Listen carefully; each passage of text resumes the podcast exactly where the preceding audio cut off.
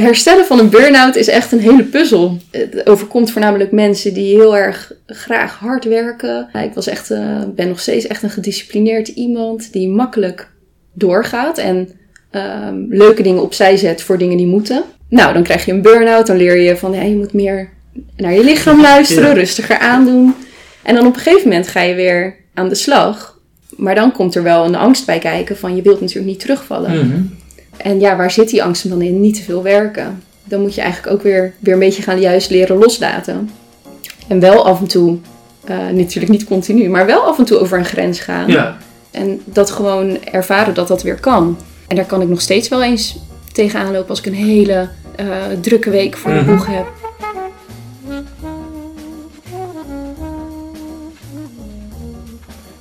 Je luistert naar de Therapeut Podcast, een wekelijkse podcast waarin ik, Peter Voortman, openhartige gesprekken voer met therapeuten over hun professie, patiënten en zichzelf. Luister mee naar bijzondere, schrijnende en grappige verhalen uit de behandelkamer. Vandaag ga ik in gesprek met Iris van der Steen, psycholoog en ervaringsdeskundige op het gebied van burn-out, perfectionisme en stress. Een openhartig gesprek over haar eigen ervaringen, de veelal millennials die het betreft en hoe ze mensen en bedrijven hierbij ondersteunt. Luister mee. Ja, goedemiddag Iris. Ja, goedemiddag. Ehm, jij, jij richt je voornamelijk op, op burn-out, perfectionisme en stress. Mhm. Ehm, wat, wat, wat- ja, wat, wat doet stress met je? Eh, wat doet stress met je? Nou, de uitingsvormen zijn denk ik bij iedereen, eh, kunnen die anders zijn. Mhm. Ehm, maar wat het wel bij iedereen doet, is dat het je stresshormonen verhoogt. Ja, Ehm, dus adrenaline, cortisol. Ehm, en wat er dan vaak gebeurt, is dat je wel lichamelijke eh, en mentale klachten op den duur kan gaan krijgen. want als je kijkt naar burn-out, is, dat, is het nou eigenlijk een, eh, een fysiek probleem of een mentaal probleem? Want we, we een beetje kip in het ei. Ja. Ja, ik denk ehm, dat burn-out wel voornamelijk deze tijd van mentale druk, Mhm. door mentale druk ontstaat. Hè, Ja. Door alle prikkels die er zijn en de werkdruk. Ehm, als er dan ook nog sociaal verschillende dingen spelen. Mhm. Maar het hangt natuurlijk allemaal wel Ja. met elkaar samen. Dus ja, stress dat blijft niet, eh, speelt zich niet alleen af in je lichaam. Dus dat gaat natuurlijk wel je hele lichaam door. Mhm. Eh, wat dan uit ook in fysieke klachten. Ja, Ja, Eh, je hebt zelf ook een burn-out gehad. ja. Eh, kon, kon je ook echt niet meer je bed uit? Of was het meer... Ehm, nou, ik kon nog wel. Je hoort echt mensen die echt Ja. hè, soms in één keer in elkaar klappen. Of echt hun bed niet meer uitkomen. Dat kon ik wel nog wel, gelukkig. Ehm, maar ik had soms wel dat ik na ehm, vijf minuten lopen echt doodop was. Oké. Maar dat, verschil, dat verschilde wel per dag. Dus dat, is niet, dat maakt het soms ook lastig. Ja. De ene dag kan je je wat beter voelen dan de andere dag.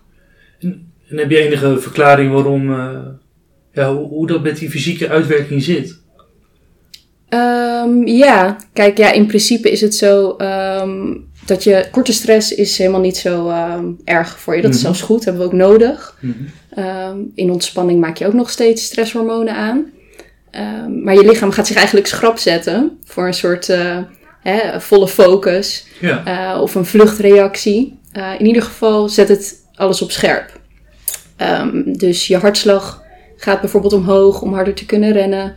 Ehm, nou ja, dat soort dingen kosten energie voor je lichaam. Als je dan langdurige stress hebt, betekent het ook dat er minder energie is voor andere onderdelen.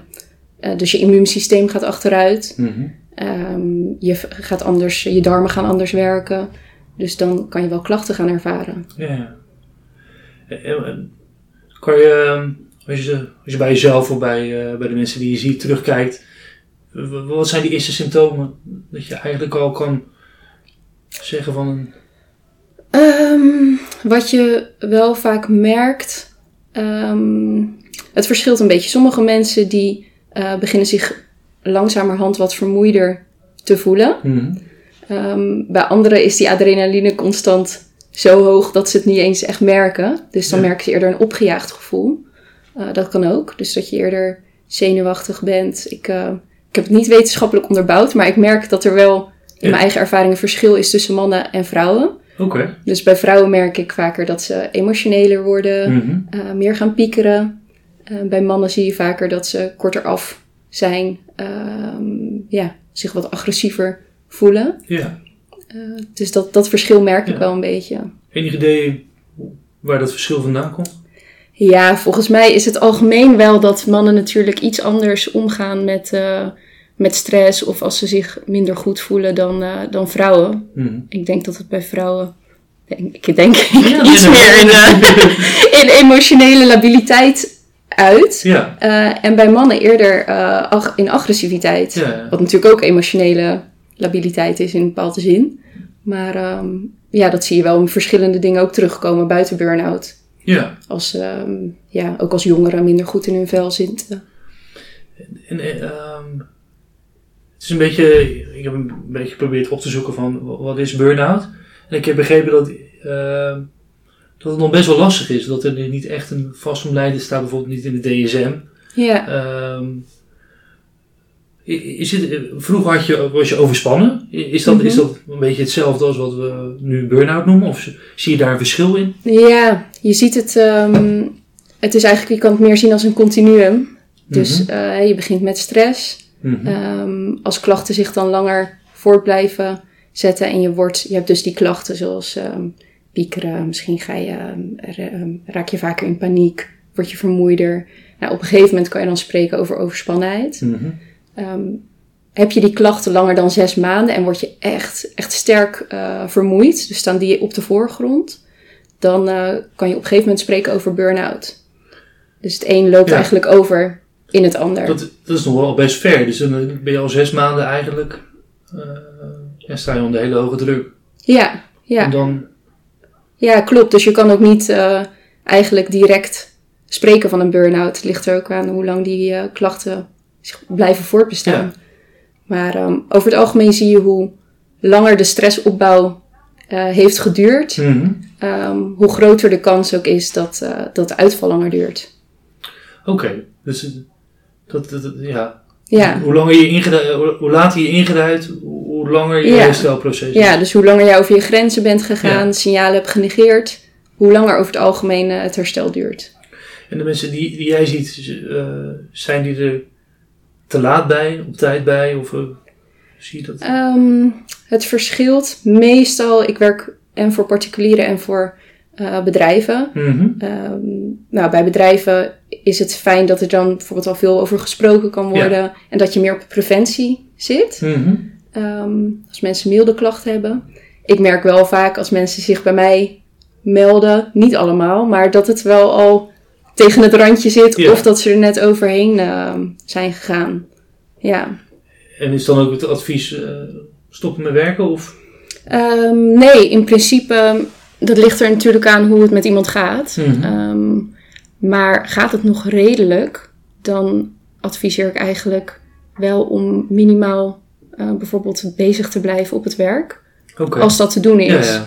Ehm, dus het ligt echt heel erg aan de situatie. Maar in principe is dat, is dat, niet, zo, eh, is dat niet zo erg. Eh, en wil je eigenlijk dat gat ook niet te lang maken. Stel Ja. dat je maanden ehm, thuis zit en je moet dan ineens weer aan de slag. Mhm.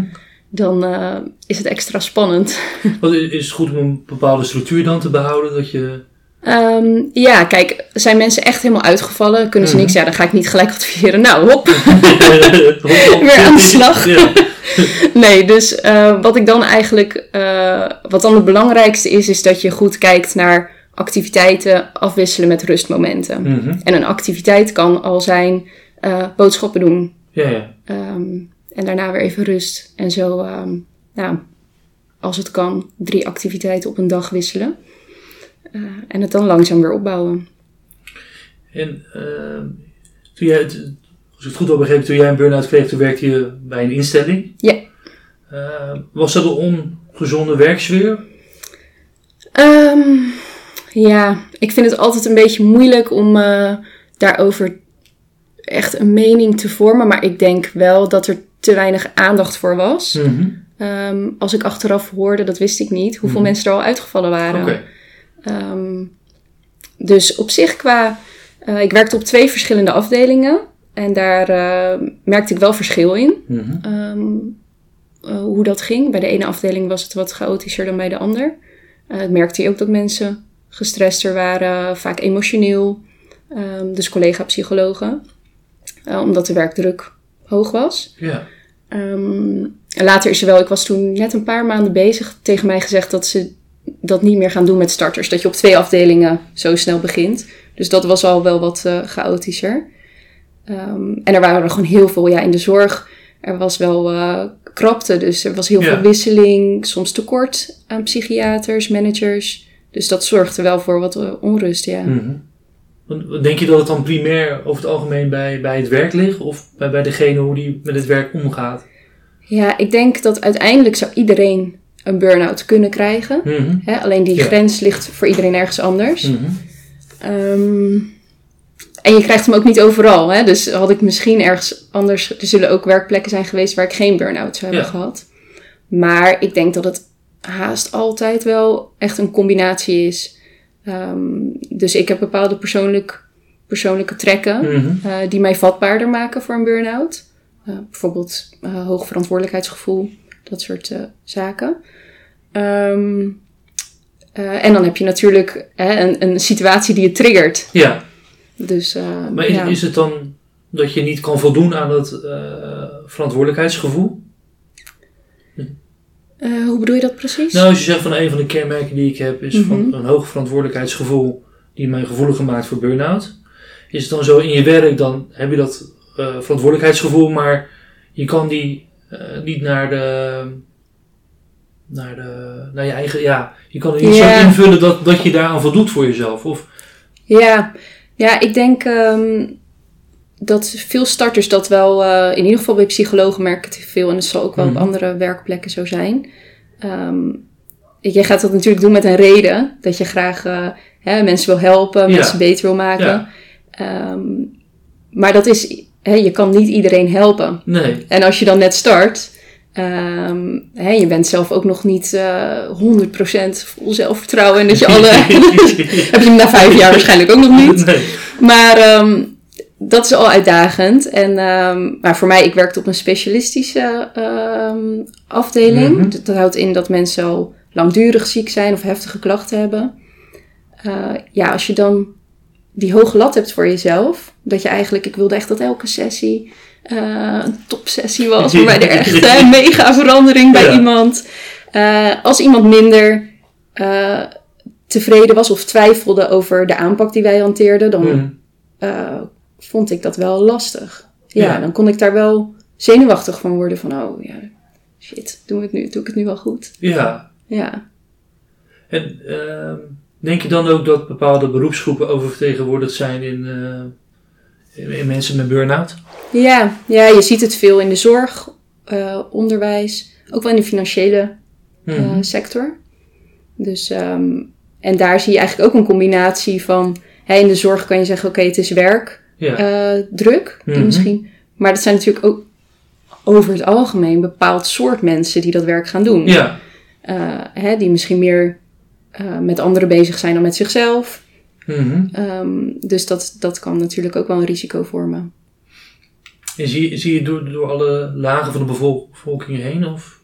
Ja, nou wat mij eh, wel opviel, ik had dus altijd het idee dat het meer bij hoger opgeleiden Mhm. voorkwam. En eh, toen moest ik laatst ergens, nou het ging uiteindelijk trouwens niet door, maar een presentatie misschien geven. En toen ging ik die cijfers opzoeken en toen zag ik dat het dus nog hoger was bij laagopgeleiden. Oké. En eh, bij middenopgeleiden, zeg maar, Ja. was het eh, eh, het allerlaagst. Dus de laagopgeleiden, die hebben het meeste uitval. En ehm, ze weten nog niet precies Mhm. waardoor het komt, maar het vermoeden is... ehm, kijk, als je nu kijkt naar de bestaanszekerheden... Ja, Hè, het is steeds moeilijker om een huis te kopen. de flexcontracten. Flexcontracten, er zijn heel veel laagopgeleide banen... Mhm. waar ze helemaal niet aan vaste contracten doen. Ja. Dus dan, ehm, ja, het zorgt wel voor meer stress. Het, wo- het wordt eigenlijk een beetje omschreven als een soort van millennial eh, Mhm. eh, ziekte. Ja. hè? Ja. Dus je gaat je bijna afvragen wat is er mis met die mensen. Ja. Ja, eh, is dat gewoon toevallig in het tijdsbestek waarin we zitten? Of Hmm. zijn, we, zijn we allemaal wat, wat sneller? Ja, over het algemeen uh, laten cijfers wel zien dat we ehm, sinds volgens mij sinds de jaren 50 al bijvoorbeeld angstiger worden, Mhm. depressiever. Ehm dus alsnog de meerderheid is dat niet. Maar als je het Mhm. vergelijkt eh, met hoe het angstniveau bijvoorbeeld in de jaren 50 was, dan, Mhm. ehm, dan zijn wij nu bijvoorbeeld net zo angstig als de meest angstige toen. Oké. Dus je ziet daar wel een verschuiving eh, in. Daarnaast denk ik, wat het verschil nu een beetje maakt, is dat ik, ik denk dat deze generatie in essentie ehm, niet heel veel anders is dan ehm, de generatie boven ons. Ehm, natuurlijk zijn we anders opgevoed en hè, hebben misschien net iets andere waarden. Mhm. Qua eh, niet alles willen we op werk gefocust hebben. Er willen ook, willen ook Ja. andere dingen die we belangrijk vinden. Maar wat ik wel denk dat als, als eerste is, is dat er veel meer mogelijkheden zijn. Mhm. Wat leuk is, Mhm. maar wat ook wel een bepaalde druk met zich mee kan brengen. En heb je, heb je daar nog, eh, zeg maar, mm, sociologische ideeën over waarom, eh, waarom, waarom burn-out zo, zo groot is geworden? Misschien ja, dat we- dat- sociale media helpt Ja. natuurlijk als dat een beetje is wat je bijvoorbeeld bedoelt. Eh, dat werkt natuurlijk ook niet mee. Nee. Ja, dus we hebben allemaal, we zien alleen maar alle mooie momenten. Het is op zich ook heel menselijk om dat te delen. Ja. Ik, denk, ik heb daar ook wel eens over nagedacht. En dacht ik, ja, als je vroeger een vakantieboek ging inplakken met je foto's, Ja. dan koos je ook de leukste foto's uit. Mhm. Dacht je ook niet, nou, nu even een rottige foto tussendoor. Ja. Hè, dus eh, ik denk dat dat iets heel natuurlijks is, dat je Mhm. leuke momenten wil delen. Ja. Ehm, alleen, we krijgen er om, nu, nu is het voor iedereen zichtbaar. Mhm. En ik denk dat heel weinig mensen zullen zeggen, ja, ik heb daar echt bewust last van. Maar onbewust heeft het echt wel, eh, denk ik, wel heel veel invloed. Ja. Maar ben jij nu helemaal vrij daarvan? Voel jij, ervaar jij geen... eh, Nee, nee, dat zou, eh, dat zou denk ik ergens een beetje naïef zijn als ik zou Mhm. denken dat ik daar helemaal vrij van ben. mhm. Ehm, ik kan ook nog wel eens druk daarvan ervaren.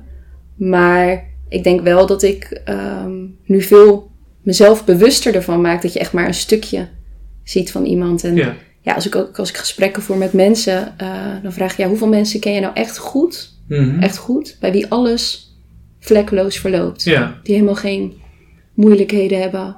Ja, dan kan je eigenlijk haast niemand Nee. opnoemen. Dus dat, eh, dat helpt wel. Maar ja, ik denk dat we daar echt veel bewuster mee bezig moeten zijn. Omdat het eigenlijk zo'n onbewust proces is. Mhm. En blij- blijf je, blijf je wel voor de rest van je leven burn-out gevoelig? Ehm, ja, cijfers zeggen wel dat je meer kans maakt jee, op een tweede. Ja. eh, als je er al één hebt gehad. ja. Ehm, wat ik zelf heel erg merk is dat je... Ja, het is echt... pff, herstellen van een burn-out is echt een hele puzzel. Oké. Dus eh, kijk, je bent in het... Het overkomt voornamelijk mensen die heel erg graag hard werken. Ja. Ja, ik was echt, eh, ben nog steeds echt een gedisciplineerd iemand die makkelijk doorgaat en ehm, leuke dingen opzij zet voor dingen die moeten. Mhm. Ehm, nou, dan krijg je een burn-out, dan leer je van ja, je moet meer naar je lichaam luisteren, Ja. rustiger aandoen. En dan op een gegeven moment ga je weer aan de slag. Ehm, maar dan komt er wel een angst bij kijken van je wilt natuurlijk niet terugvallen. Ehm, en ja, waar zit die angst dan in? Niet te veel werken. Dan moet je eigenlijk ook weer, weer een beetje gaan juist leren loslaten. En wel af en toe, eh, natuurlijk niet continu, maar wel af en toe over een grens gaan. Ja. Ehm, wat natuurlijk heel menselijk is. En dat gewoon ervaren dat dat weer kan. Ehm, dus ja, dat is. eh, en daar kan ik nog steeds wel eens tegenaan lopen als ik een hele eh, drukke week voor de Mhm. boeg heb. dat ik dan heel even denk van. oeh, Ja. ja, gaat Dan, dit. Maar ja, het gaat, wel, gaat elke keer goed. Maar je moet jezelf wel. ehm, ja, je moet daar wel, denk ik, echt jezelf gewoon continu. Ja. eh, Wat, wat, wat doe je dan na een drukke week? Las je dan pauze in? ehm, Of, eh, Ja, ik, ik, wat ik wel merk is dat ik ehm, mm, vaker niks kan doen. Oké. Hè, ik vond het ook altijd leuk om bezig te zijn. Dus in mijn vrije Ja. tijd is lekker weer hup, naar buiten. Nu kan ik wel wat vaker, als ik denk, ja, ik ben gewoon moe. Nou, dan Mhm. ga ik gewoon lekker Ja, op de bank liggen en tv kijken en even niks doen. Ehm, dus dat, dat kan ik wel beter. Nu niks doen. En eh, nou, waar we het net even eh, in het begin over hadden. Hè, eh, je alsmaar voor alles voor willen bereiden. Bang Mhm. dat, dat je het anders misschien niet goed genoeg doet. ja. Dat heb ik mezelf ook wel een beetje afgeleerd. ja. ja. Je, ik, ik las dat je, je bent nu ZZP'er, dus je Mhm. bent van de stelling, en ook mede omdat je dan zelf kan in, inplannen hoe je, eh, hoe je werkdrukte eigenlijk uitziet. Of, Ehm, ja, is wel een fijne bijkomstigheid ervan. Mhm. Ik had, wat het voor, vooral voor mij denk ik waarom ik ervoor heb gekozen, is eh, ehm, dat ik het echt heel fijn vond om een keer eh, een soort van mijn eigen pad uit te stippelen. ja, Ik had altijd het idee, twee studies achter elkaar gedaan. Oh, je hebt VWO gedaan. Dus het is zonde als je bijvoorbeeld HBO gaat doen. Mhm. Wat ik misschien liever had gewild Mhm. vroeger. En elke keer kwam er ook, eh, als je dan begint met werken, dan eh, is er ook weer je, nou, psycholoog word je. Kan je GZ-psycholoog Ja. worden? Komen er weer? Ik dacht, oh, dan komen er weer. Komt weer van alles aan waar Ja. ik minder keuzevrijheid voel. Hè? Mhm. Dus dat is misschien natuurlijk wel waar- de keuzevrijheid. Dat je dat, vond ik op een gegeven moment wel belangrijk worden. Dus, eh, en ik merkte heel goed wat me leuk leek om te Mhm. doen. Dus met leeftijdgenoten werken. Hoeft niet per se altijd burn-out. ehm, maar het is een beetje zo automatisch gegaan. Ehm, dus ik dacht, ja, ik ga het nu gewoon eh, zelf doen. En dat, dat leverde geen stress op, dat, dat, dat zelf doen. Ehm, nou, ik vond het in het begin, jawel, als ik nu terug, het is wat soms moeilijk om terug te denken. Mhm. Maar ik weet wel, mijn vriend is ondernemer, dus die, anders Ja. had ik denk ik nooit gedaan. Want Nee? ik, ik kom helemaal niet uit een ondernemende familie. Echt totaal niet. dus die zeiden ook allemaal, oh, maar je bent helemaal niet, eh, je bent niet zoals hij. dus waarom ga je dat doen? Ehm, maar ik vond het doodeng. Eh, ik had echt het idee, oh, als ik stop ehm, eh, met mijn werk als psycholoog, het voelt een beetje alsof je dan ook nooit meer terug kan keren, wat natuurlijk onzin is. Ja, Ehm, maar het voelde echt als een enge stap. Maar aan de andere kant merkte ik ook dat ik er heel enthousiast van werd. Dus, ehm, en natuurlijk, ehm, ik, ben ik ben bij mijn werkgever gestopt in mijn burn-out. Mhm. Ehm, eh, wat natuurlijk een fijn gegeven is dat je het helemaal in je eigen tempo kan opbouwen. ja. Dus ja, dat Ja. speelde ook wel mee. En dat, dat moet ook maar net kunnen. Ja, ik had, ik had gelukkig eh, eh, genoeg spaargeld en ik woonde samen. Dat, tuurlijk, Ja. het moet ook maar net kunnen. Ja, want ik ben zelf gestopt, dus ik kreeg ook verder geen, wat is het, ja, geen uitkering Ja. of iets. Ik kan me ook voorstellen dat, dat, dat er bij veel, eh, veel mensen dan, eh, eh, als je dan burn-out klachten hebt, dat er dan Mhm. een soort van gevecht met de werkgever ontstaat. Of, Ja. Of zie je dat er wel veel begrip is vanuit... Eh, verschilt heel erg. Ik merk wel nog veel, ook met cliënten met wie ik samenwerk, ook wel veel onbegrip. onbegrip. mhm. Ehm, ja, en het is ook iets lastigs. Ik merk het soms ook in mijn Ja. eigen omgeving. Ja, mensen, dat kan je mensen denk ik ook niet altijd kwalijk nemen. Mhm. Ehm, dat als je het zelf niet hebt meegemaakt, dat je het ook niet goed soms begrijpt. Ja, Ehm, ja, en een werkgever heeft natuurlijk ook nog andere belangen, die heel- Mhm. wat heel logisch is. Ehm, maar dat is soms wel een gevecht, ja. ja. ja. Hoe ziet bij jou een kennismakingsgesprek eruit? Nou, in principe is dat heel vrijblijvend. Mhm. Ik vind het altijd belangrijk dat mensen gewoon eh, kunnen ontdekken of ze een klik met je hebben. Mhm. Omdat ik denk dat dat heel belangrijk is voor een effectieve behandeling. Ehm, of nou ja, ik richt me voornamelijk op coaching, dus dat mag ik dan geen behandeling officieel noemen. Maar laten we zeggen, hè, dus coaching, dus op lichtere klachten eh, Mhm. doe ik dat met burn-out als, ehm, als eh, max. Ehm, maar een kennismakingsgesprek is via videobellen Mhm. of telefonisch, waar men, wat mensen fijner vinden. En dan ga ik gewoon, ja, het is een beetje een soort halve intake Ja. kijken wat er aan de hand is en ehm, nou, vooral of die klikker is. Mhm. En als mensen dat dan eh, aanspreekt, dan ehm, doe ik een voorstel, schat ik in Ja. hoeveel sessies ik denk dat er nodig zijn en gaan we verder aan de slag. En waarom heb je voor coaching gekozen? Ehm, nou, omdat ehm, sowieso als je als, ik ben basispsycholoog, ehm, wordt het niet vergoed vanuit de Mhm. zorgverzekeraar. Eh, dus daar moet je echt eh, GZ-psycholoog voor zijn die diagnoses mag stellen. Mhm. Nou, toen ik van tevoren ging, kijk, ging ke- kijken van ehm, wat vind ik leuk, wat voor soort problematiek, zijn dat eigenlijk eh, allemaal problemen die nog geen diagnoses zijn. Ja, ja. Dus dan hoef je ook geen therapie aan te bieden. Tuurlijk Mhm. gebruik je onderdelen van Ja. hè, cognitieve gedragstherapie. Ehm, maar zit je meer op het coaching. Dus het zijn ja, mensen zonder stoornissen. Ehm, maar die wel gewoon klachten ervaren. Mhm. Of ehm, ja, wat ik een beetje naast doe, is ook bijvoorbeeld eh, eh, koppels coachen.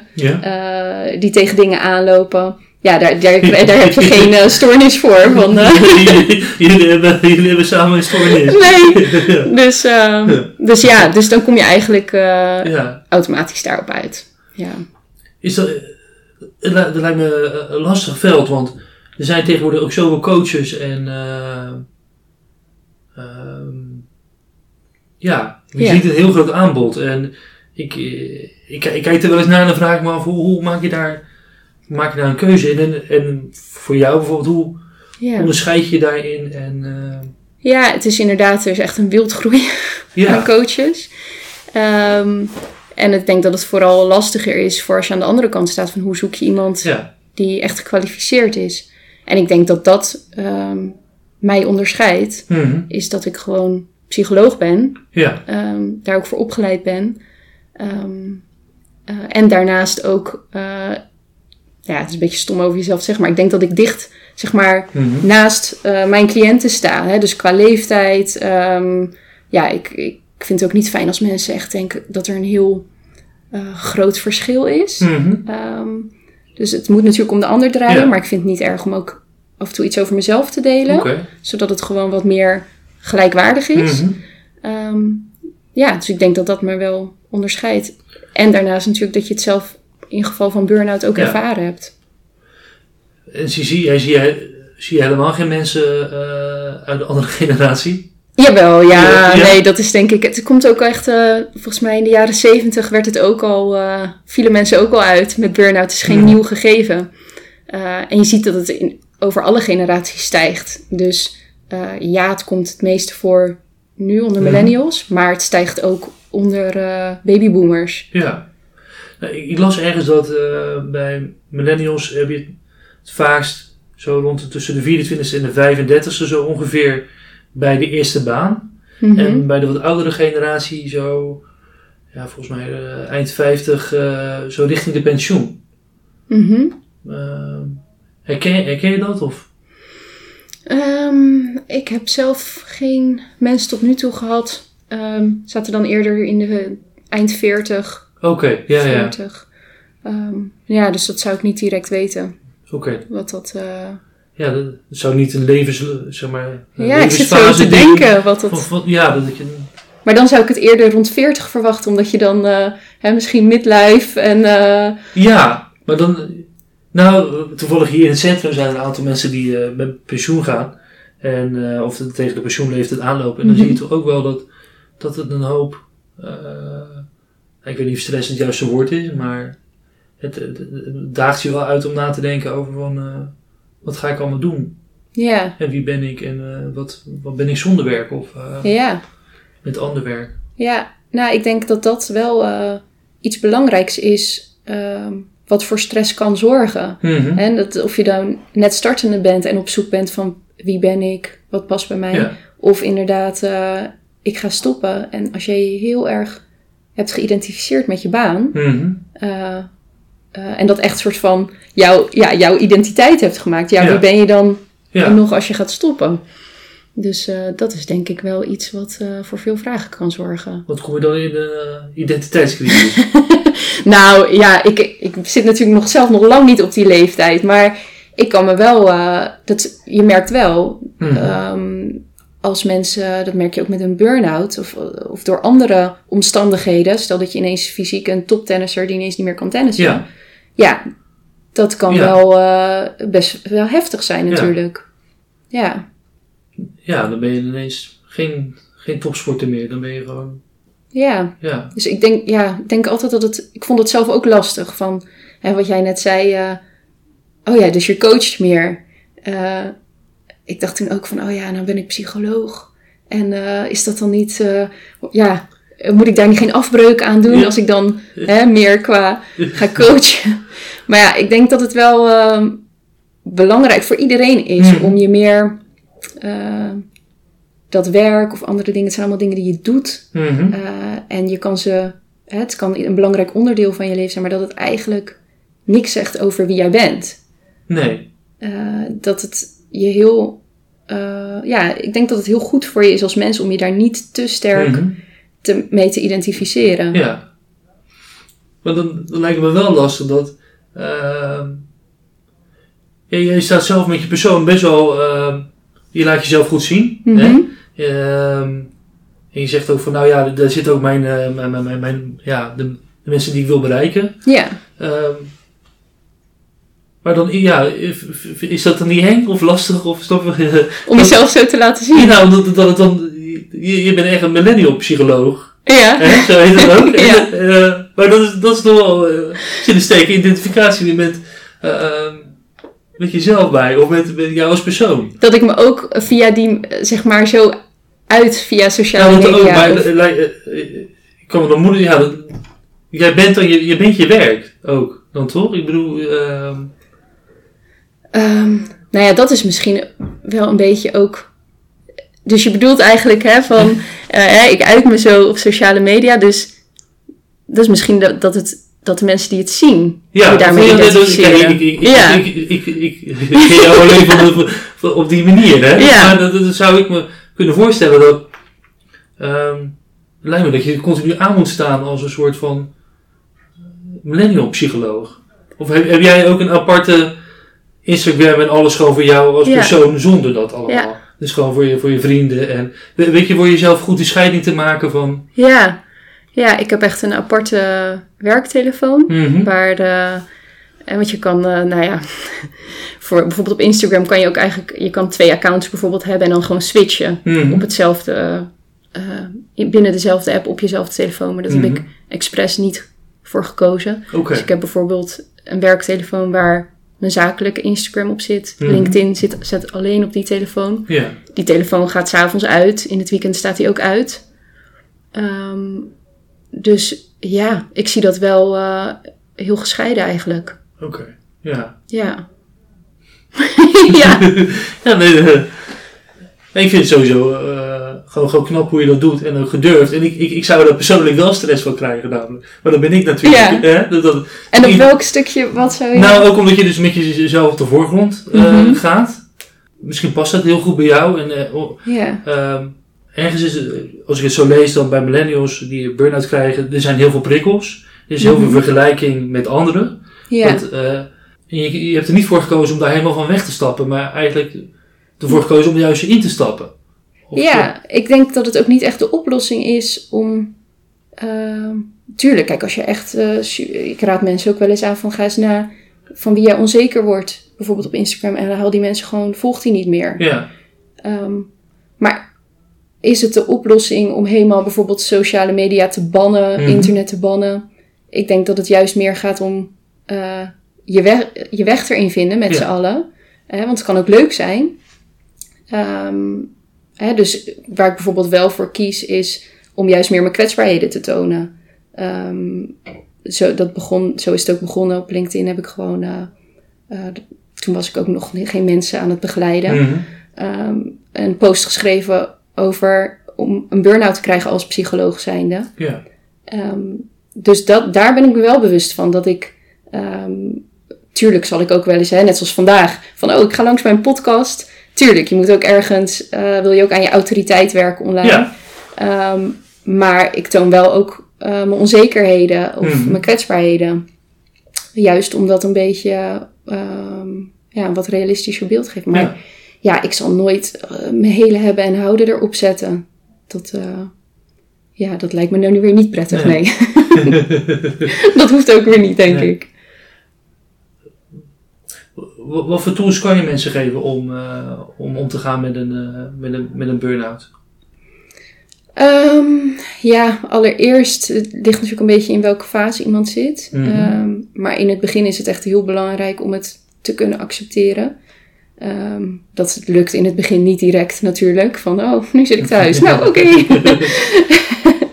dus eh, ja, in het begin merk je dat iedereen... Hè, niemand verwacht ook in het begin in een burn-out te zitten. Eh, ik zei ook, ik, twee dagen moet ik even bijkomen. Heb ik weekend erna, achterna, vier dagen ben ik dan vrij. Nou, dan eh, maandag ben ik er weer. Hm. Hè, dus, eh, en dan loop je elke keer weer opnieuw tegen de lamp. Ehm, maar dan moet je het op een gegeven moment wel gaan accepteren dat dat de situatie is. Ja. Ehm, anders blijf je alleen maar weerstand ervaren, wat echt je herstel bemoeilijkt. Ehm, dus accepteren dat het zo is. Jezelf niet helemaal de grond inpraten dat je dat zo hebt veroorzaakt. Ehm, dat zie je natuurlijk wel. Ja, jij zit daar zelfverwijt in? Of, eh? Ja, kijk, over het algemeen gebeurt het mensen die veel van zichzelf eisen. Ja, als je dan op een gegeven moment thuis komt te zitten en je wilt eigenlijk zo graag. Mhm. Hè, want niemand wil in een burn-out thuis zitten. Nee. Dus iedereen wil weer heel graag snel aan de slag. En het gaat niet. Ja, dan denk je wel, hoe heb ik het zover kunnen laten komen? Dat is wel eh, iets wat veel speelt. Ehm, en natuurlijk is het goed om op een gegeven moment ook naar je eigen gedrag te kijken. Of hoe kan ik anders met situaties omgaan. Maar ik denk dat haast voor ieder mens geldt. Dat je het altijd hè, met de wetenschap die je hebt zo goed mogelijk probeert te doen. Ja. Dus dat is denk ik in de eerste fase heel belangrijk. Ehm, eh, vooral beweging is goed om Mhm. stress te verminderen. Ehm milde, dus ga niet gelijk keihard hardlopen en ook tij- resultaatgericht. Ja. eh, weet je. Dus ehm, nou, gewoon een beetje eh, wandelen, Mhm. eh, maar wel in beweging. Dat is gewoon heel goed om, om je, je hormonen ook weer meer Ja. in balans te krijgen. Ehm, ja, en dan langzaam wil je eigenlijk juist ook. ehm, kijk, hoe ik het heb gedaan, gestopt, dat is ergens hè, heel fijn. Mhm. Maar het is ook juist wel belangrijk om te herstellen in een situatie die voor stress zorgt. Want Ja. zo kan je het anders leren. Eh, je kan niet op vakantie leren hoe je met werk moet omgaan. Nee. Hè? Niet dat ik op vakantie aan het vieren was, hè? want je was al thuis. Maar Mhm. om even het verschil. Ja. Ja. dat moet je in die situatie. En dan moet je een paar keer eh, vallen. Mhm. En er dan achter komen: oh ja, nu doe ik weer iets verkeerd. Had je het liever anders gedaan? Ehm, nee, ik denk achteraf ehm, dat ik ook echt graag iets anders wilde doen. Mhm. Ehm, maar het had, ja. Kijk, het zorgde ook natuurlijk wel weer voor stress, omdat je geen inkomen hebt. Ja. Dus ja, misschien had het wel wat dat betreft beter geweest als ik daar had hersteld en dan opnieuw had gekeken Mhm. wat ik had gewild. Ehm, maar ja, of dat nu aan de werkgever lag en ook deels aan mij, want als je in een burn-out zit voel je alles als druk. Ja. Maar ik ervaarde ook wel wat druk eh, van ga snel weer Ja, ja. de werkzaamheden doen die je deed. En ik ging daar heel, eh, dat eh, ging niet zo goed bij mij. Dan ging het elke keer weer beter totdat ik dat weer ervaarde Ah, en dan dus- stortte ik weer een beetje in. En, nou, hoeveel weken Ja, stort je dan in? nou niet, ja, ik was echt nog bezig met reïntegreren. Dus ik Mhm. deed nog helemaal, ik, ik gaf geen behandelingen toen nog. Mhm. Ehm, maar ja, er werd wel gezegd van dat kunnen we nog een paar keer doen. En dan moet je wel toch echt wel weer als psycholoog Ja. gaan werken. En dan met mijn verantwoordelijkheid denk ik, hè, dan krijg ik al die mensen die heel erg problemen hebben. En dan wil ik wel, als ik ergens met iemand begin, Ja. hè, dus dat lag dan weer hè, ook bij Mhm, mijn reactie. Ehm, dan wil ik dat goed kunnen afronden. Nou, ik, ik werd daar helemaal, ik was daar nog helemaal niet aan toe. Dus, Ook, ook, eh, ook wel bijzonder dat, dat in zo- in zo'n werksituatie ze dat dan niet herkennen. ja, ja, ja. je zou denken, als je wel ergens eh, een burn-out moet krijgen, dan is dat een veilige plek. Maar Ja, nee, ik was laatst, ik had gisteren een gesprek eh, eh, met een eh, accountancy, groot, groot accountancybedrijf. Mhm. En hoe ik hoorde dat zij daarmee omgingen, dacht ik, nou, ik denk, ja, ik weet niet hoe het overal in de zorg is, maar Mhm. ik dacht, er kunnen veel plekken in de zorg echt nog wel wat ja, van leren. Misschien ook omdat het dan, ehm, eh, dat er meer ruimte is financieel gezien. Mhm, Dus dat mhm. er meer Ja, ehm, plek ook is om, om daar aandacht aan te besteden. Maar in de zorg, zorg merk ik dat dat best wel weinig gebeurt. Waar het juist, waar je het wel zou verwachten. ja, Ja. ja. ja. Maar ja, daar, ook daar staan managers onder druk. En eh, Mhm. ja, heeft dat misschien ook weer zijn uitwerking.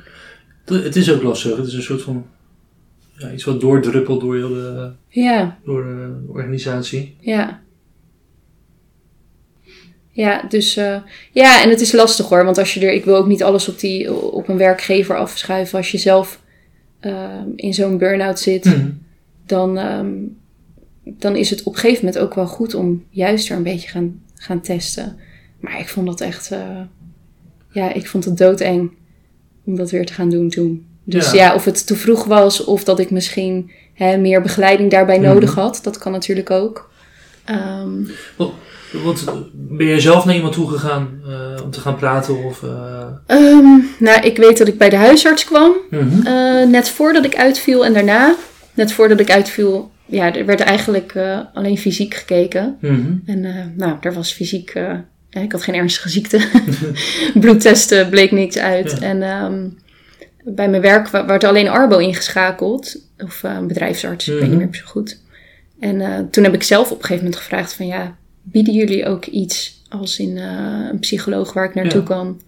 Ehm, ja, dus daar ben ik wel, daar ben ik gewoon zelf achteraan gegaan.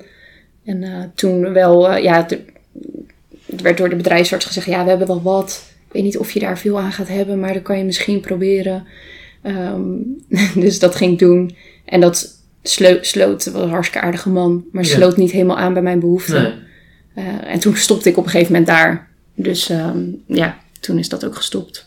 Dus heb je eigenlijk jezelf eh, ja, Ja, eruit gezeten? Of, ja. ja, en het is ook, eh, ja, ik heb echt veel aan mijn partner ook gehad. Mhm. Die, eh, dat is natuurlijk ook zwaar voor, voor iemand die ernaast staat. Ja. Maar daar heb ik echt wel veel, ehm, veel aan gehad. Misschien helpt het ook dan wel weer op zo'n moment dat je zelf psycholoog bent. Dus Ja, hè, ik kom ook wel goed met mezelf aan de slag. Ehm, maar je bent op zo'n moment ook zo moe eh, om dan helemaal op zoek te gaan naar iemand ehm, die, die goed past. En Mhm. dan, dan kom je natuurlijk wel van ja, hè, had ik al mensen voorbij zien komen, ehm, online of wat dan ook. ehm, dan had ik misschien wel eerder hulp gezocht. Ja. Maar ja, als ik nu naar de huisarts ging, dan word je naar iemand doorgestuurd die je niet kent. Ehm, en heb je ook zelf weinig keuze eigenlijk. Mhm.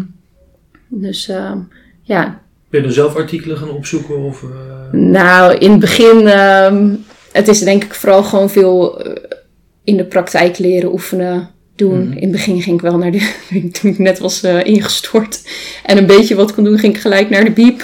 ja? Alles erbij pakken en analyseren. Nou, dat was op dat moment nog helemaal niet. eh, nee, dat was niet anders. nee, dan denk je nou zo Ja. snel mogelijk eh, mezelf er weer, weer uitwerken. Dat was niet het meest handige. Ehm, maar ja, op een gegeven moment wel wat boeken gaan lezen. En, Mhm. ehm, en ehm, ja, trial and error. Weet je, zo. Dat had Ja. wel iets korter gekund, denk ik. Met Ja. goede begeleiding. Ben je wel blij dat je burn-out gehad hebt? Eh, nee, nee. Het is, ik denk wel dat het... Hè, sommige mensen zeggen, oh, het is mijn grootste... Dat hoor je, hoor je soms wel, Ja. hè? Mijn grootste gift die ik heb gehad. Ik zou het echt niemand gunnen om een Nee. burn-out te krijgen. Dus blij met die burn-out zelf? Nee. Ehm, ik denk wel dat ik zonder die burn-out... eh, misschien wel nooit was die stap had durven zetten. Mhm. Ja. Dus wat dat betreft, denk ik wel, ehm, ja, dat, dat het wel veel heeft opgeleverd eh, in die zin. Mhm. Ehm, en dat je natuurlijk, je wordt gedwongen om veel van jezelf te leren ja. of over jezelf. Ehm, maar ik denk ook wel dat het zonder burn-out kan. nu is het meer gedwongen en Ja. leer je er heel van. Dus ja, je hebt er wat aan. Maar eh, ja, Want, eh, had je iets kunnen doen om dit te voorkomen en eh, Ehm. wel die lessen te kunnen leren? Ehm, ja, kijk, ik denk, ik had eerder. ehm, op een gegeven moment speelde er heel veel. Ik was gestart. privé waren er mensen ziek, ook heftig ziek. Mhm. Nou, er kwam steeds meer, die twee afdelingen kwamen steeds meer taken bij. Dat was allemaal nog in mijn eerste jaar. En nou, dan kan je als startende psycholoog kan je ook nog een opleiding volgen. En ik dacht, dit moet ik echt nu doen, want Mhm. Je, bent, je bent nog eh, super onzeker als je net start. Dus toen weet ik nog wel dat mijn partner zei van... Nou, hier, zou je niet gewoon... Volgens mij ben je al hartstikke moe. Zou je niet gewoon even wachten? ja. En dat was wel mijn eigen karakter die zei... Nee joh, dit kan, kan ik ook nog wel even erbij doen. Mhm. Dus ja, dus daar had ik eerder mee kunnen stoppen. Ik had eh, tussen die twee opleidingen ook wel even wat rustiger aan kunnen doen. Eh, dus er waren zeker wel dingen die anders hadden gekund. En ik geloof, ja, ik denk dat je dan ook wel in kleinere stappen dingen kan leren. Ik denk dat ik Mhm. nu een soort treinversnelling heb gehad. Ja. Ehm, maar ik denk dat ik mag hopen dat het ook zonder burn-out kan. ja, ja. ja. Want je, hebt ook mensen met, eh, met eh, perfectionisme. Mhm. Die moeten dus geholpen worden? Of eh, hebben, ervaren mensen daar echt, echt, echt klachten van? Of hoe ziet dat eruit? Ja, ja, kijk, in principe is het natuurlijk goed als je. ehm, kan het heel helpend zijn als je veel van jezelf verwacht en Mhm. ook graag goed werk wilt leveren. Daar, daar is denk ik niet zo heel veel mis mee Mhm. als je goed werk wilt leveren. Maar ja, als ik eh, mensen spreek die over iets waar ze een uur over kunnen doen, tien uur over doen, Ja. dan, zo, Ja. dat had ik nooit hoor, maar wel, eh, wel in een bepaalde mate. Ja, dan heb je er vooral zelf heel veel last van. En wat dan een beetje het, eh, waar ik een beetje achter ben gekomen, naar analyse van mezelf en ook anderen. Je gaat heel veel tijd in iets steken, Mhm. eh, omdat je denkt van, anders red ik het niet. Mhm. Hè? Dus het moet goed, bijvoorbeeld een examen, het moet echt veel leren. Vervolgens heb je het gered en schrijf je het niet toe aan je eigen kwaliteiten, want je denkt, ja, maar ik heb ook veel meer geleerd dan de rest. Hè? Dus eh, zo Ja, ja, goed ben ik eigenlijk ja, niet. Nee. Ja, dus, eh, Dus dan kom je in een soort vicieuze cirkel, mhm. waarbij je jezelf ook geen zelfvertrouwen opbouwt. Dus ja, daar werk ik dan met mensen aan. Eh, en ook door echt dus eh, praktisch gezien minder te gaan doen. En te ontdekken dat je dan helemaal niet slechter bent in je werk. Misschien juist wel beter. Mhm. eh, of niet minder presteert. Is perfectionisme, is dat gewoon een, is dat een persoonlijkheidskenmerk? Of, Ja, ja, ja het is dus, eh, een, een karaktertrek Mhm. inderdaad. Die wel ehm, door verschillende dingen versterkt kan worden. Hè, het kan door je opvoeding zijn. Eh, wat je vaak ook ziet is dat mensen ehm, eh, moeilijke situaties hebben gehad in hun jeugd. Eh, dan bijvoorbeeld keihard hun best gingen doen op middelbare Mhm. school. En dat Ja, dat een soort, ehm, ja, ook een soort iets veiligs ja. gaf. Ja, van, oh, hier heb ik invloed op. Ja. ja. Dus dat zie je wel vaak. Maar ik denk dat, het, ik denk dat je twee kinderen kan hebben uit hetzelfde gezin. Met misschien redelijk dezelfde ervaringen. Mhm. Waarbij de ander dat sterker heeft. ja. Ja, dus dat is ook wel een stukje genetisch. En ehm, als je, als je op in bedrijven werkt, kan- Mhm. is het dan niet het idee van je, je praat met iedereen? Of ehm, maken ze dan, ja, hoe, hoe, kom, hoe kom je in een bedrijf binnen? en Wat, Ja, dat verschilt een beetje per bedrijf. Ook hoe, ja, hoe een eigen cultuur is. En Ja. ehm, over het algemeen ehm, is het zo dat bedrijven het zelf, hè, dat er een kennismaking is eh, met mij, Mhm. eh, met de werknemers. Of dat ze het zelf gewoon introduceren en meer bespreekbaar maken. Mhm. Eh, van joh, ehm, ja, hè, dit is wat veel mensen ervaren, werkdruk of onzekerheden. Ehm, dus mocht je daar een gesprek voor willen, Ja. dan is dat aan te vragen. En wat ik dan vaak doe, is dat ik dan dus ook zo'n soort intake heb, dan start. En als het op een gegeven moment afgerond is, dan dat je bijvoorbeeld om de twee of drie maanden weer even een eh, check-up gesprek hebt. En doe je dat op locatie of gewoon in je eigen Ehm, ja, soms op locatie. Mhm. Ehm, en eh, soms ook online. Ehm, dus het ligt er ook een beetje aan. ja, ik woon zelf in Rotterdam. Eh, ja, Ja. ik kan ook wel een stuk gaan rijden. Ehm, maar voor één iemand, eh, het moet Ja. natuurlijk ook een beetje praktisch eh, als ik dan de rest van de dag niks kan doen. Ja. Eh, dus dat is altijd gewoon even kijken met de Ja. werkgever. Of- maar misschien kan je het combineren dat je een halve dag eh, ergens zit. En zou je Dus kunnen stellen dat als een werkgever zelf het idee heeft en de bereidheid om iemand sociaal in te schakelen, dat de kans ook kleiner is dat die mensen daar een burn-out überhaupt krijgen, omdat er dus eigenlijk wel een soort van zorgzame Ja, relatie is. ja zeker. Ja, je mer ik merk echt dat mensen... Soms zijn er helemaal niet zo heel veel sessies ook nodig. Hoe eerder eigenlijk, hoe beter. Ja, Alleen al het idee van... ehm, ja, er wordt steeds meer over... Minder, denk ik ook wel. Mhm. Over onzekerheden gesproken. Mhm. Ehm, misschien ook wel door sociale media. Ehm, dus mensen hebben vaak echt het idee dat ze, dat ze de enige zijn. Ehm, hè, dus of het nou op werkgebied is, dat, Mhm. je, dat je daar meer zo'n klimaat en ook als, als manager hè, Mhm. misschien meer open bent. Van nou hier hè, heb ik eh tegenaan gelopen of loop ik nog steeds wel tegenaan. Mhm. Dan normaliseer je eigenlijk ehm, die onzekerheden.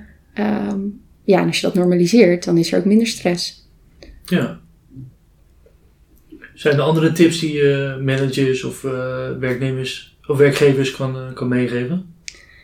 Ehm, ja, ja, nou sowieso ehm, denk ik om gewoon echt wat meer contact eh, te hebben Mhm. met het team waarover je leiding geeft. Mhm. Hè, dus ehm, niet alleen werkgerelateerd van oh heb je je doelen behaald. Maar ja, maak ook gewoon meer een praatje met eh, hoe het met mensen gaat.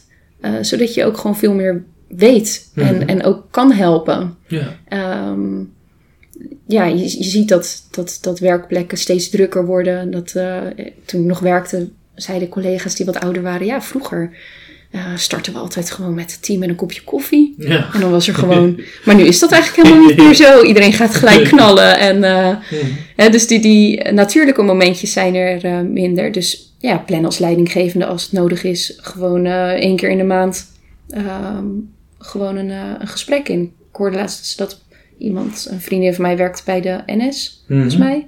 En ehm, ja, daar doen ze dat ook. Heeft ze gewoon Ja. om de zoveel tijd een gesprek met een coach. En ik denk dat er bij sommige werkgevers dan...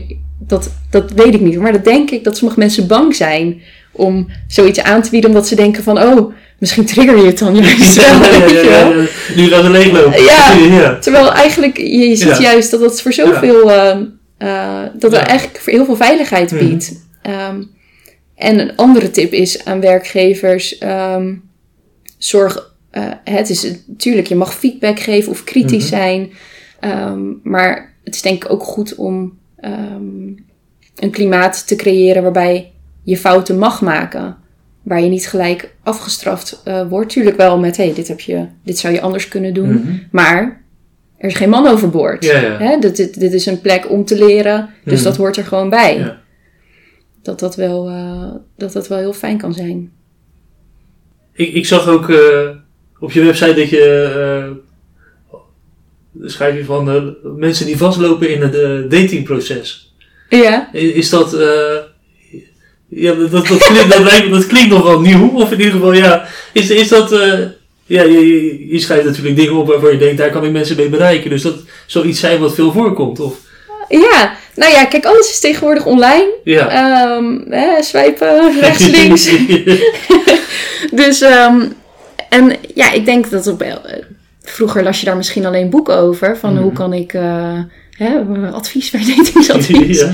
Ja, waarom zou je daar niet een keer met iemand Ja. over eh, praten als je merkt dat je misschien elke keer op eenzelfde punt vastloopt? Mhm. Hè, dat, is, dat overkomt heel veel mensen. Dat zie ik ook in, ja, in mijn directe omgeving. En dat is helemaal niks geks. Maar stel dat je daar nou ehm, erachter kan komen waardoor dat komt en dat je Ja. het kan, anders kan aanpakken. Ja. En zijn er dan bepaalde technieken of eh, dingen die je gebruikt? Ehm, nou, ik heb nooit echt een soort vast protocol wat ik Mhm. bij iedereen inzet, omdat ik dan altijd merk dat je heel snel het contact met iemand verliest. Ehm, dus eigenlijk wat ik vooral altijd doe, is gewoon vragen stellen Mhm. eh, aan iemand. Dat iemand niet zelf met, met me antwoorden en adviezen komen, maar dat iemand zelf gaat nadenken. Ja. Ehm, en er zo achter te komen wat er speelt. En eigenlijk, ja, ik weet niet hoe, maar er rolt iedere sessie wel automatisch een soort bijvoorbeeld oefening uit. Ja, ja. Wat mensen ehm, in hun eigen tijd tussen de sessies door kunnen doen. En zijn dat dan eh, mindfulness-achtige oefeningen? Of wat voor oefeningen kunnen dat zijn? Ehm, ja, een goede vraag. Echt heel verschillend. Ehm, het ligt er natuurlijk aan met welk, ehm, Ja. welk soort klacht of Mhm. probleem of wat dan ook iemand bij mij komt. Ehm, eh, maar stel dat iemand bijvoorbeeld makkelijk altijd over zijn grenzen is gegaan. Mhm. Ja, dan, dan geef ik bijvoorbeeld als oefening is... probeer nou eens op te letten gedurende de dag op bepaalde momenten... eh, hoe je je eigenlijk voelt, waar je zin in hebt. Mhm. Heb je echt zin om nog eh, te gaan hardlopen of nu dit te doen? Of heb je eigenlijk zin om heel eventjes niks te doen? Mhm. Ehm, of oefeningen eh, om mensen meer naar het positieve te richten. Hè, dus wat, eh, ga eens één keer per dag kijken naar wat jouw positieve kanten zijn. Of wat je, wat je fijn vond aan je dag. In plaats van alleen maar die focus op wat je eigenlijk niet wilt. Ehm, ja, dat zijn een beetje eh, Ja, ja. verschillende dingen. Maar ook tussen koppels. eh, ehm, ja, als ze moeite hebben om bepaalde thema's bespreekbaar te maken, ja, dan, dan waarschijnlijk kom ik wel met zoiets van Ja. eh, hè, op een veilige manier. Maar ga daar eens eh, in kleine stappen samen mee aan de slag en kijk eens hoe dat gaat. Ja. Oké. Ehm, zijn er nog dingen die je zelf kwijt wil? Ehm, nou, wat ik, wat misschien, eh, ik, weet, ik weet eigenlijk niet, wat, heb jij een soort vaste leeftijdscategorie? Die is het heel verschillend, de luisteraars. Of weet je dat niet precies? nee, dat weet ik niet precies. Nee. Nee. Nou, maakt misschien ook niet zoveel, heel veel uit jong, Mhm. oud. Ehm, maar ik denk dat het gewoon heel belangrijk is ehm, dat, dat je weet dat heel veel mensen niet precies weten waar ze mee bezig zijn Mhm. op het moment in hun leven. Mhm. En echt niet alles eh, op de rit hebben. Dus dat dat gewoon heel normaal is. Ja. Eh, en dat het echt het hele perfecte leven, dat dat niet, eh, niet bestaat. En dat het, en begin vooral als je nog niet, eh, hè, niet iedereen hoeft een, een psycholoog, Mhm. ehm, naar een psycholoog. Begin gewoon eerst in je eigen omgeving met, met vriendinnen of vrienden te praten over wat je lastig vindt. Ja. Dat kan Nou, heel veel helpen. Dat, toch nog even. Wat denk je dat burn-out en eenzaamheid dat dat, dat, dat samenhangt? Ehm, nou, eenzaamheid. En dat, dat, De, wel de isolisatie, net zoals Ja. nu, die isolisatie. Lastig woord nu. maar ehm, kijk, nu met corona, Mhm. eh, als iedereen thuis zit, eh, dan ga je wel in een soort bubbel ja. leven. Wat natuurlijk ook, als je misschien eenzaam bent, buiten corona om kan Mhm. gebeuren. Waardoor werk helemaal bijvoorbeeld je ding wordt. Ja. En je niet meer zo makkelijk kan uitzoomen. Vaak zijn lunchpauzes met collega's echt wel een moment dat je even lekker afstand kan nemen. Mhm. Ja, als je dat niet meer hebt, dan eh, denk ik wel dat het, eh, ja, dat het voor veel stress zou kunnen zorgen. ja, aan de andere kant werkt het natuurlijk ook op als je helemaal gefocust bent op, op je werk, dan, dan sluit je je sociale leven uit. Eh, ja. Hoe, eh, wat bedoel je? Nou, ik, ik zat me af te vragen van eenzaamheid en burn-out. Mhm. Omdat, of dat samenhoudt, omdat het wel li- lijkt alsof het voor eh, werk of, of, of studie, of in ieder geval Mhm. iets wat je eigenlijk als werk ervaren wordt, dat het het hele leven wordt. Mhm. Ja. En je, en je zegt, eh, ja, praat met mensen, eigenlijk om het te normaliseren. Mhm. Dus eh, ja, dus ik, ik vroeg me af in hoeverre hangt het dan samen met, met de eenzaamheid? Ja. ja, ik denk het, ja. Ik denk, ik denk in die zin wel Mhm. dat, dat, eh, hè, dat het allemaal wat individualistischer is geworden. Mhm. Ehm, dus wat dat betreft denk ik wel dat je, en dat zal je niet alleen met burn-out zien, ook met andere, eh, met depressie of eh, angststoornissen. Eh, het- over het algemeen is het heel goed voor mensen om gewoon onder de mensen te zijn. Ja, Ja, nou mooi. Dankjewel. graag gedaan. Bedankt voor de, voor de uitnodiging. U luisterde naar de Therapeut Podcast. Abonneer u via uw favoriete podcast-app en krijgt elke week automatisch een nieuwe aflevering. We horen graag uw mening. Vragen, opmerkingen of suggesties kunt u sturen naar info.detherapeutpodcast.nl of laat een review achter via uw podcast-app.